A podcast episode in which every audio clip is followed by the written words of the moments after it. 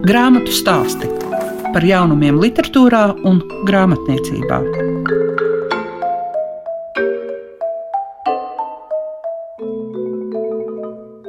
Jums atliek tikai noticēt, ka esat grāmatu stāstu klausītāji, tātad arī programmas klasika klausītāji.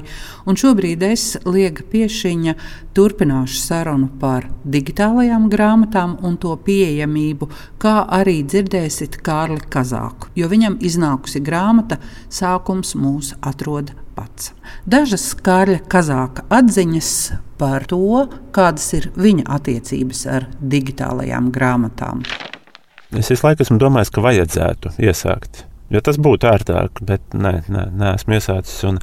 Es nevaru ciest, um, lasīt garus tekstus datorā un telefonā. Es zinu, jā, ka tās speciālās lasīšanas planšetes esot piemērotākas, bet man nav sanācis pat pamēģināt. Nu, laikam nav sanācis satikties ar digitālo grāmatu, un es domāju, gan jau paspējuši, vēl kāds laiks ir.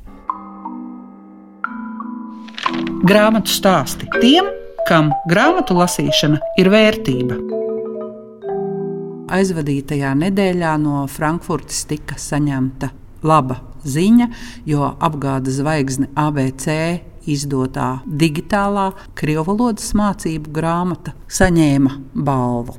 Un tagad vārds Aigai Grēniņai, Tieto Evrī funkcionālai konsultantei, ar kuru sarunājamies par digitālo vidi. Šī brīdī man ir jāpiemina kultūra elpa kā atbalstītāji. Vairāk Jā. nekā 15,000 reģistrējušies. Tas pat, ja tā paskatāties no bibliotekas statistikas, tad tā ir viena no lielākajām Latvijas bibliotekām, publiskajām bibliotekām noteikti. Un nu, tie arī skaitļi, kas skaitās, piemēram, cik lapas puses ir pāršķirtas elektroniskās. Zinu, zinu, zinu 45 miljoni. Jā, nu jau ir 46. nu, jā, 46, jā, un tas izsniegums 90 tūkstoši bijis. Tas ir no atvēršanas brīža, no 2019. gada janvāra. Ar ko ir sākusies iecerē veidot e-grāmatas platformu? Jau 2011. un 2012. gadā Latvijas Nacionālā biblioteka aktualizēja šo jautājumu, lai dotu iespēju publisko publisko biblioteku lietotājiem lasīt e-grāmatas un lasīt ne tikai bibliotekā uz vietas, bet sev ērtā vietā un laikā. Un tad eh, no platformas puses tika domāts, kā to veidot, meklēt risinājumu, pētīt, kā kolēģi to ārvalstīs dara. Un uh, bija arī jāsakārto ļoti daudz eh, juridiskā puse, lai šis vispār būtu iespējams no tādas likumdošanas puses skatoties. Tas nozīmē, ka teju vai astoņus gadus kopā. Jā, un uh, atceroties un klausoties, uh, kā kolēģi atcerās šo laiku, tas ir sācies ar entuziasmu, nekāda pasūtījuma vai iepirkuma, nekas tāds nebija. Bija šī vēlme ļaut iespēju bibliotekās cilvēkiem lasīt arī e-grāmatas un izmantot tās priekšrocības, kas ir vēl viena iespēja lasīt atšķirīgā veidā, cita pieredze, sev ērtā laikā un vietā, elektroniskās grāmatas, galvenais latviešu izdevēja izdotas e-grāmatas latviešu valodā. Kas ir kašķīgāki lasītāji vai izdevēji, jo veidojas tas trīs stūris. Tie, kas organizē, kas rūpējas, tie, kas vēlas to saņemt un lasīt, un tie, kas izdod. Nu, par to kašķīgumu ir tā, ka šobrīd ir pieci izdevēji e-grāmatu platformā, bet uh, aicinām un gaidām arī citus. Bet tas lielākais jau stāsts vispār par elektronisko grāmatu vidi Latvijā, kas ir gaužām neliela, par to, lai vispār būtu elektronisko grāmatu faili, ko ievietot bibliotēkā. Un tad varbūt citreiz jāliekas, ka kāds nevēlas, bet patiesībā tās iespējas ir uh, vēl attīstības stadijā, lai pievienotos. Un, un ļautu lasīt. Vai ir tā, ka izdevēji tā kā baidās par to, lai viņus neapkrāptu, lai tas notiktu legāli? Nu, arī no izdevēja puses, un arī paši zinām, ka Latvijā e-grāmatu jomā pirātisms ir diezgan aktuāla problēma. Tad šo arī veidojot platformu ņēmām vērā, un te ir tā lieta, par ko citreiz lasītāji ir kašķīgi, ka viņi var lasīt tikai tiešsaistē. Tā tad nevar leju pielādēt, piemēram, savā Kindle grāmatu lasītājā, bet lasīt lasīt tikai tiešsaistē. Tas ir domājot par to, lai mazinātu drošības riskus, lai izdevēji skatītos uz šo kā uz drošu platformu, kas arī daudzējādā ziņā arī no personas datu uzglabāšanas šeit netiek uzglabāti lasītāji personas dati, ir droši, tas bija viens no tā kā, jā, tādiem nosacījumiem, ko mēs sapratām, kā vajadzētu veidot šo lasīšanu. Šobrīd, jebkurš reģistrēts lietotājs jau kopš pirmā pandēmijas viļņa mēnesī var lasīt līdz 18 elektroniskajām grāmatām. Vienlaicīgi savā plauktā var būt divas elektroniskās grāmatas. Tad, kad viena no tām ir izlasīta, tad nododot to atpakaļ, var ņemt lasīt nākamās.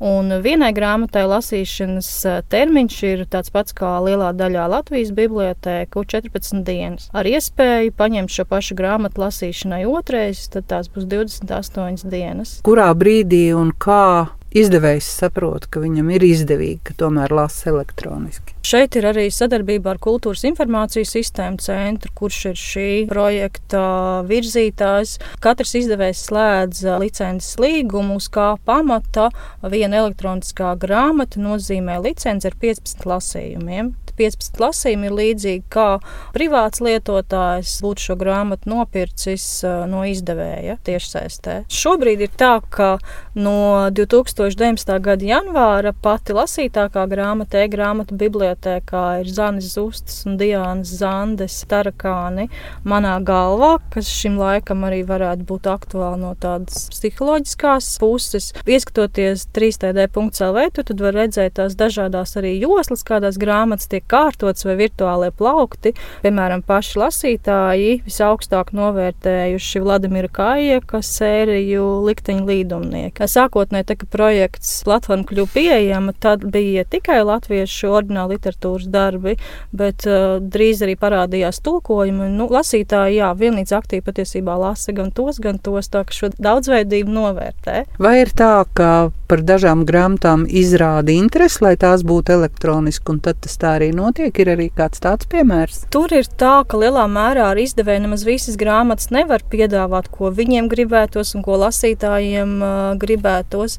Jo pirmkārt, šai grāmatai vispār jābūt elektroniskā formā, un tad ir arī nozīme tam, kā izdevēju līgumos ar uh, autoru pārstāvošajām aģentūrām vai pašu autoru, vai tur ir iekļauta šī atruna, ka šo grāmatu var arī elektroniski dot izmantošanai straumēšanas pakalpojumos, kāda ir uh, e-grāmata grāmatu bibliotēka. Vēl viens arī ir jautājums par to, cik ilgi šis izdevējs katru konkrēto grāmatu drīkst izplatīt, piedāvāt komercapritē, un tas attiecas arī uz e-grāmatu bibliotēku. Nu, tur tā kā ir, kad ja jūs aizējat uz bibliotēku fiziski, tad mums arī Latvijas mazākajās bibliotēkās bieži vien ir vairāk tūkstoši grāmatu. Nu, vienīgi jautājums, ka tie visi nebūs plauktos, daļa jau būs paņemta lasīšanai, bet e-grāmatu bibliotēkā tās grāmatas, ko jūs redzat, jūs arī tās visas varat paņemt lasīšanai, un vienlaicīgi tad arī var lasīt neierobežots cilvēku skaits. Ja kāda grāmata tikko bija un vairs nav pieejama, tad ļoti iespējams, ka drīz izdevējs atkal papildinās licenci un to varēs turpināt lasīt. Kādas tev pašai ir attiecības ar e-grāmatām?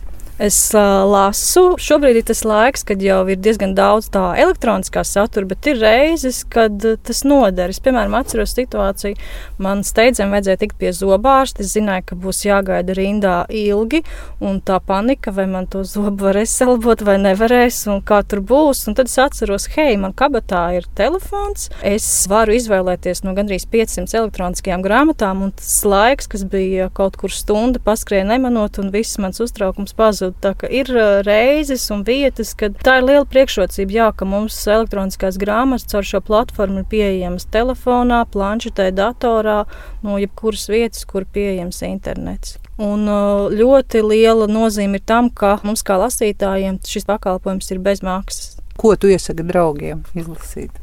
Nu, man pēdējā laikā ir sanācis ieteikt uh, bērnu grāmatas. Zinu, ka man pazīstamie jaunie lasītāji ar interesi lasīja arī bērnu un jaunu žūrijas pagājušā gada kolekcijā augstu novērtēto detektīvu bērniem.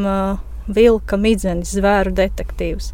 Nu, kas man bija tāds emocionāli prieks, ka šī grāmata ir ienākusi. Jāsaka, es to izlasīju drukātā veidā. Arī no praktiskās psiholoģijas plauktiņa Džona Hāris zudušās saiknes, kas palīdz jā, saprast šo laiku, varbūt pārvarēt sevi, kaut kādas negācijas. Un es atceros tajā drukātajā izdevumā, cik liels bija izmantoto avotu saraksts ar zinātniskiem augsti novērtētiem avotiem, gan par depresiju, gan kā sadzīvot, gan kā izdzīvot un, un tam līdzīgi.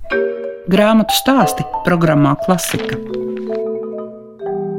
Šīs dienas grāmatas stāstos mēs mēģināsim atbildēt uz apgalvojumu, sākums mūs atrod pats. Kārlis Kazāks to ir licis kā savas grāmatas nosaukumu, bet piedzīvojumiem, ko viņš ir izbaudījis vairāk nekā desmit gadu garumā. Kārli, vai tad, kad jūs sākāt velo mūzikas ceļojumu, vai tad jūs arī kaut uz mirkli iedomājāties, ka tas varētu pārtapt par grāmatu? To, ne, to gan es neiedomājos, jo Tad, kad mēs sākām, tā bija nejaušība. Tas bija vienas sarunas turpinājums, kurš pārvērtās vienas vasaras piedzīvojumā.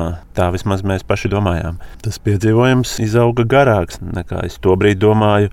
Es tiešām nebiju iedomājies, ka tas būs ik vasaras nu, galvenais mirklis. Vai jūs rakstījāt to kā dienas grāmatu? Mums nebija nekādu pierakstu nevienam.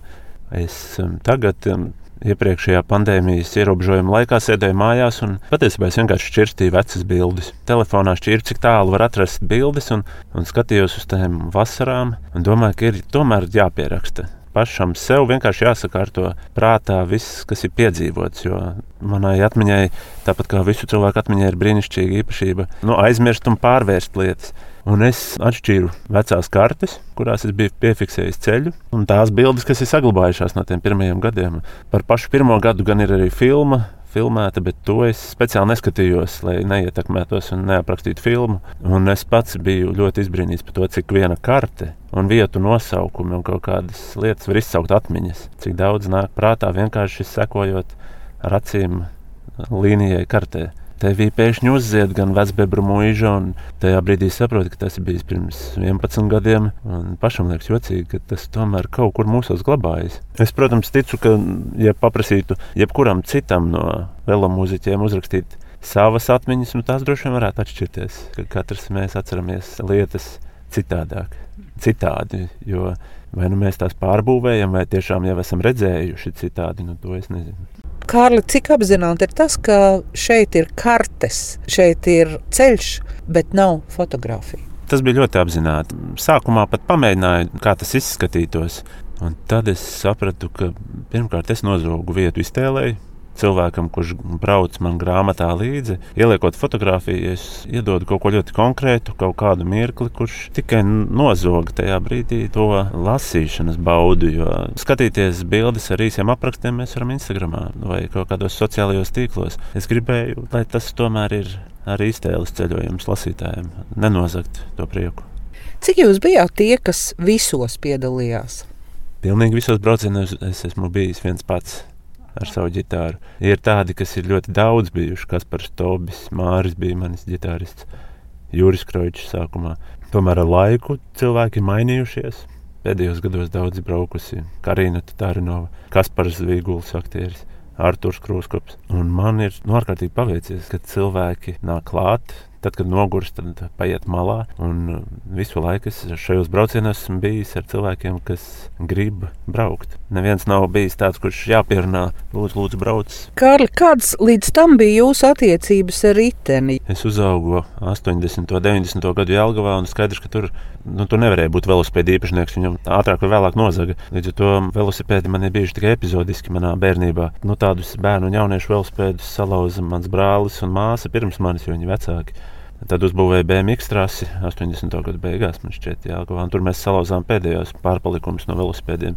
Līdz ar to man liela pieredze braukšanā ar velosipēdu nebija, ja neskaitu to grāmatā pieminēto braucienu uz pilsrundālu no Jālgavas ar māsu uz bagāžnieku. Man vienmēr bija paticis braukt arī te. Es salīdzinoši vēlu, man liekas, tas Man bija kādi astoņi gadi, kad es iemācījos braukt, jo tajā brīdī nebija neviena bērnu izmēra riteņa. Es iemācījos braukt ar vīriešu riteni, kā to sauc, caur štangu, izliekot kāju, nu, pa vidu rāmim, izbāžot kāju. Bet tad, kad Juris Kroičs tajā vienā ziemas vakarā teica, ka vajadzētu braukt ar riteņiem, es nu, pirms tam es nekad nebiju domājis, ka es varētu tā mēģināt ceļot ar riteni. Es biju daudz gājis ar kājām, man patīk iet ar kājām, ar mugursomu, ar telti, bet um, toreiz Juris tik pārliecinoši pateica, par velosipēdu, ka tieši tā ir jāceļo, ka es viņam noticēju. Un, un, nu, tagad es pavisam noteikti zinu, ka ceļošana, nu, vismaz pa Latviju, velosipēds ir vislabākais veids, kā ceļot. Nav mantas jānes, viņš ir uz kārtas uz velosipēdu. No brīžiem tas velosipēds pats ir jānes. Tā sajūta tiešām, ka tu iebrauc svešā pagalmā, un cilvēki, velosipēdistus, es esmu pilnīgi pārliecināts, uztver vislabāk nekā, ja tu iebrauc ar mašīnu vai ienāc ar kājām. Un es neesmu sapratis, kāpēc, bet velosipēdists atstāja tādu laikam, labu iespaidu. Kaut kur zemapziņā mums sēž, ka no zaglas nebrauks ar velosipēdu. Cik daudz jūs esat atgriezies tajās vietās, kurās jūs šajā velomūziķu ceļojumā esat bijis? Jo arī aprakstot, jūs pieminat tās vietas, un tā tās ir palikušas sirdī, prātā. Nu, ir vietas, uz kurām tā vai citādi es esmu saukts pēc tam. Ir vietas, kurās es atgriežos salīdzinoši bieži. Tāda ir upīte pie Baltiņas, pati Baltiņa, Atašiene un, un Kurzemē, neskaitāmas vietas. Tā atgriešanās nav īsti pat manis provocēta. Tā ļoti bieži notiek tāpēc, ka kāds mani pasauc. Un tāpat laikā, te, kad es uzkāpju uz motocikla vai, vai izdomāju, ka vienkārši šodien kaut kur ir jāizbrauc, nu man vislabāk patīk braukt uz vietām, kuras es nezinu. Es izdzirdu, ka Tabora kalnā jauns skatu tornis, braukšu uz turieni. Tādus vēl neesmu redzējis. Bet tie brīži, kad sanāk kaut kur klīstot, ieklīst vietās, kas ir velomūzikai bijušas, nu, nozīmīgi mirkļi, kā šķērsojot dzelzceļu pie birzes stacijas nu, kur ir peroniņš ar uzrakstu bīrzi. Tu ieraugi to, un, un man galvā uzreiz ir tas brīdis, kurā mēs tur sēžam, labojam ķēdi. Tad gribās pasveicināt to vietu, jo mēs, mēs esam pazīstami. Kā jūs arī nokomentētu to, jūs grāmatā rakstat starp redzēt un saskatīt, un arī to, ka šāds nesteidzīgs ceļojums to ceļu, kas ir veikts, parāda savādāku. Samazinot ātrumu, mūsu procesoram ir iespēja vairāk datus ierakstīt. Jo es pats esmu pieķēries sevi, ja mēs braucam ar mašīnu, tīpaši, ja mēs uzliekam navigācijas aplikāciju, mēs brīžiem nezinām, kur mēs esam. Mēs sekojam būtiņai, mēs braucam, un ja gala mērķī mums atņemtu to navigācijas aplikāciju un teiktu, brauc mājās, mēs īsti nezinātu, pa kurien mums ir jābrauc mājās. Bet um, samazinot tempu, mēs esam klātesoši. Nu, protams, ka velosipēds vēl mums noņem tās sienas riņķī, ka mēs braucam ar smāržu, ar ar to cilvēku, kurš lauka malā pļauj zāli un, un ar pāris pārmītiem vārdiem. Un es domāju, jā, ka tā ir tāda izšķirtspēja, ka tā izšķirtspēja tajā brīdī ir lielāka. Mēs viņu neesam sašaurinājuši un vienkārši savācam vairāk datus no tā, kur mēs tajā brīdī atrodamies. Man liekas, ka Kārli, jūs piedarat pie tiem cilvēkiem, kuri ļoti daudzi uztver kā mierīgu, lēnu, izturētu. Vai tas jums ir vienmēr piemitis, vai tas šajos ceļojumos jums ir palīdzējis vai traucējis? Jo jūs, tad, kad jūs rakstāt arī par to, ka gatavība pēc piecām vai desmit minūtēm, nu, tas jau tomēr rāda par to, ka ir nepieciešama reizēm arī autoritatīva vara. Man šķiet, ka jebkurā cilvēku kompānijā, vai tā būtu mazāka vai lielāka sabiedrība, ir jābūt kaut kādiem noteikumiem. Visforšāk, ja tie ir kopā radīti, tādi, ka mēs varam vienoties par noteikumiem. Man šķiet, ka vēl mūzikā viss ir pieņēmuši, ka cilvēki drīkst paļauties, ka es pateikšu, ka tagad ir jābrauc, citādāk mēs vakarā nebūsim tur, kur mums vajadzētu būt. Es to neredzu kā tādu autoritīvu vadīšanu. Vienkārši kādam ir jāatcerās par to, ka ir pulkstenis un ka tajā foršajā brīdī, kurā tu to brīdi esi, nevar ieslīgt pārāk ilgi, ka ir jāmeklē nākamais. Kaut gan varbūt ir forši, kas var teikt, jā, viņi visi brauc un klausa mani. Vai šādos ceļojumos kāds ņēma līdzi arī grāmatu? Es nezinu. Tas tāds es, provokatīvs, es domāju. Jā, jā, es nezinu. Es zinu, ka mums ir uzdāvināta kaut, kur, kaut kāda grāmata par kādu vietu, un tad um, vienīgais, par ko tu tajā brīdī domā, ka aha, vēl svars klāt. Cik liels grāmatu lasītājs jūs esat? Es noteikti esmu bijis liels grāmatu lasītājs. Tagad cenšos sevi pierunāt, lasīt grāmatas, un reizēm izdodas, bet es pats jūtu, kā mana uztvere, un es domāju, daudzu mūsu uztvere ir pamainījusies, ka mēs gribam īsi, ātri, saņemt informāciju, jau sakārtot, lai mums nav pašiem jāstrādā ar to. Un grāmatu lasīšana kļūst par tādu apzinātāku vēlmi, nesteidzīgi pabūt ar sevi, ar domām, ar, ar autoru stāstu, liekot uzsvaru uz, uz tādu nesteidzīgu. Jo šī brīža ikdienas tempā tā grāmatu lasīšana liekas nu, kaut kas ārkārtīgi lēns. Tad, kad tu viņu paņem to grāmatu, sāc lasīt, pašķir uz priekšu, saproti, vai, vai cik tur ir daudz lapas pušu, vai kad, kad netiek uz priekšu. Un... Kāpēc grāmata tik bieza? Jā, jā. Un varētu taču izlaist kaut kādu aprakstu un ātrāk aizvest pie mērķa aizmirstot to, ka, ka grāmatai iespējams nemaz nav jābūt mērķim, ka lasīšana ir mērķis. Jā, es pēdējā laikā mācos atkal lasīt grāmatas. Nu, kura jums ir iekritusi prātā? Akmentiņu skolotāji. Tā ir viena no tādām, kas no salīdzinoši pēdējā laikā lasītajām ir bijusi manējā. Izskan grāmatu stāsti. Šīs dienas raidījumā pievērsāmies digitālajām grāmatām, kā arī dzirdējāt Kārli Kazāku jo viņam ir iznākusi grāmata Sākums mūs atrod pats. Visu labu jums saka Liega Piešiņa. Grāmatu stāsti par jaunumiem literatūrā un grāmatniecībā ik trešdienu, 9.5. ar atkārtojumu Svētdien, 18.15.